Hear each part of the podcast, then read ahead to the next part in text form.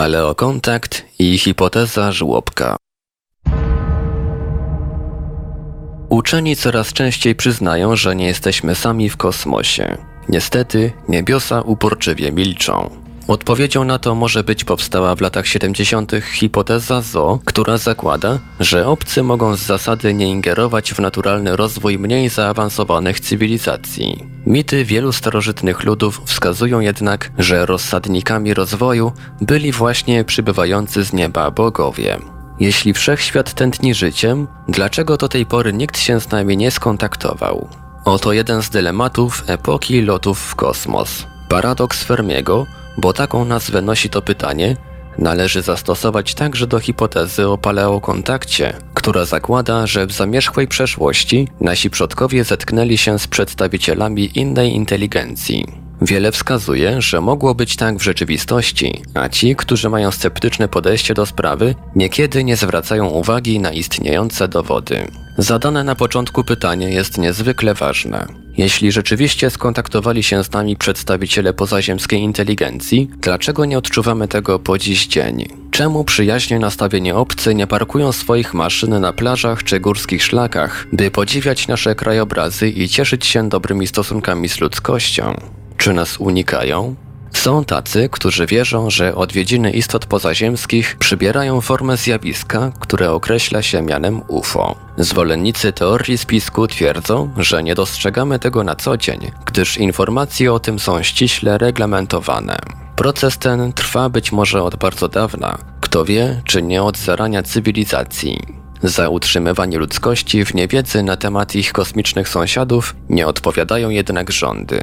Być może to pozaziemscy nadzorcy chcą, aby tak było. Istnieje pewna hipoteza, która stara się wyjaśnić uciążliwy brak kontaktu z pozaziemianami. To tak zwana hipoteza ZO, wysunięta w 1973 roku przez Johna Bola. Zakłada ona, że inne inteligencje nie kontaktują się z nami, dzięki czemu nasza cywilizacja rozwija się w sposób oryginalny i naturalny, bez interwencji z zewnątrz.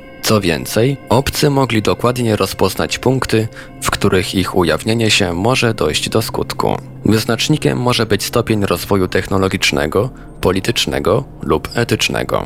Nasz czas, jak widać, jeszcze nie nadszedł. Odpowiednik hipotezy ZO legł u podstaw stworzenia słynnej pierwszej zasady ze Star Treka. W naszej sytuacji mówi ona, że kontakt obcych z Ziemianami mógłby zajść tylko wtedy, kiedy osiągnęlibyśmy umiejętność podróży międzygwiezdnych, co samo z siebie oznaczałoby koniec izolacji i ujawnienie swojej obecności innym rasom. Hipoteza ZO opiera się na czysto teoretycznym założeniu, że obcy preferują niezależny rozwój. Jeśli tak jest, to wszyscy podróżnicy po kosmosie muszą w jakiś sposób wspólnie odnosić się do tej dyrektywy. Nawet jeśli wydaje się to chwytliwe rozwiązanie, oznacza to, że cywilizacje pozaziemskie muszą stosować się do pewnych odgórnych reguł. Nie wiadomo jednak, jakie sankcje czekają ich po przekroczeniu pewnych granic. Czy zadziała Federacja Galaktyczna? To już czyste dywagacje. Niektórzy zwolennicy hipotezy ZOO twierdzili, że choć nie ma palącej potrzeby kontaktu z ET, istnieją wskazówki, że mogło dojść do niego w przeszłości. Stało się to albo przypadkiem, kiedy kontakt nawiązywano nieintencjonalnie, albo w ramach inspekcji, której zadaniem było sądowanie naszego rozwoju. Niestety na tym się kończyło. Choć hipoteza ZO jest często wykorzystywana przez autorów science fiction, trudno pogodzić ją z tym, co zostawili nasi przodkowie. U wielu dawnych cywilizacji, począwszy od Inków po Majów czy Egipcjan, występowało przekonanie o tym, że w pewnym punkcie przeszłości doszło do wymiany informacji na linii ludzie istoty nieziemskie. Według wielu mitów cywilizacja była przygodą, którą człowiek rozpoczął nie sam z siebie, lecz z inicjatywy bogów. To ich poczytywano za rozsadników wiedzy. Tą rolę u wymienionych ludów pełnili Ozyrys, Wirakocza czy Quetzalcoatl. Ten środkowy pojawił się znikąd. Ucywilizował grupkę ludzi, a następnie znikł. Najlepszym przykładem jest jednak Bóg Oannes, którego astronom i popularyzator nauki Carl Sagan uważał za jeden z przykładów na to, że nasi przodkowie mogli wejść w kontakt z inteligencją pozaziemską. Pisał o nim Podzielam przypuszczenie, że z pojawieniem się Oannesa zaszła wielka kulturowa zmiana. Gdzie indziej wspominał. Te istoty były zainteresowane nauczaniem ludzkości. Każdy znał misje i osiągnięcia swoich poprzedników. Mityczny Oannes nauczył ludzi, jak wznosić świątynię, kodyfikować prawo i rozumieć geometrię. Według podań za dnia wyłaniał się z wód Zatoki Perskiej, do których wracał na noc. Opisywany był jako człowiek o ciele ryby, ktoś ewidentnie nie należący do Homo sapiens.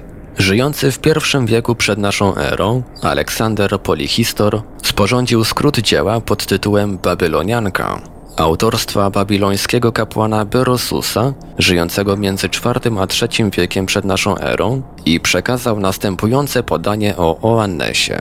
W Babilonie istniało w tych czasach wiele różnych ludów, które żyły w sposób barbarzyński, niczym bestie w polu. W pierwszym roku u wybrzeżu wód Morza Erytrejskiego, które graniczy z Babilonią, pojawił się Oannes. Jego całe ciało, zgodnie z relacją Apolodorusa, było jak u ryby, tyle że pod rybią głową miał on jeszcze jedną głowę, a u spodu stopy podobne do ludzkich, przyczepione do rybiego ogona. Jego głos i język również były ludzkie. Istota za dnia przebywała wśród ludzi, ale nic przez ten czas nie jadła. Dawała im zapoznać się z jego listami i naukami, a także wszelakiego rodzaju sztukami. Nauczył on ich, jak budować miasta, znajdować miejsca pod świątynię, tworzyć prawa, a także wyjaśnił zasady geometrii. Powiedział, jak rozróżniać ziarna i pouczył, jak zbierać owoce. Innymi słowy, nauczył ich wszystkiego, dzięki czemu mogli uczynić swoje życie bardziej ludzkim. Kiedy nadchodził zachód słońca, istota, Oannes, wracał do morza i spędzał tam noc. Podobne opowieści kontrastują z hipotezą Zo. Jestem skłonny nazwać je raczej hipotezą żłobka, zgodnie z którą rozwijająca się cywilizacja lub gatunek otrzymuje na drodze swego rozwoju pomoc od stojących wyżej inteligencji. Wierzenia starożytnych Egipcjan, spisane przez Greków pod postacią tzw. Tak Corpus Hermeticum, to jest zbioru pism, które położyły podstawy pod rozwój renesansowej magii w Europie, podkreślają wagę relacji mistrz-uczeń.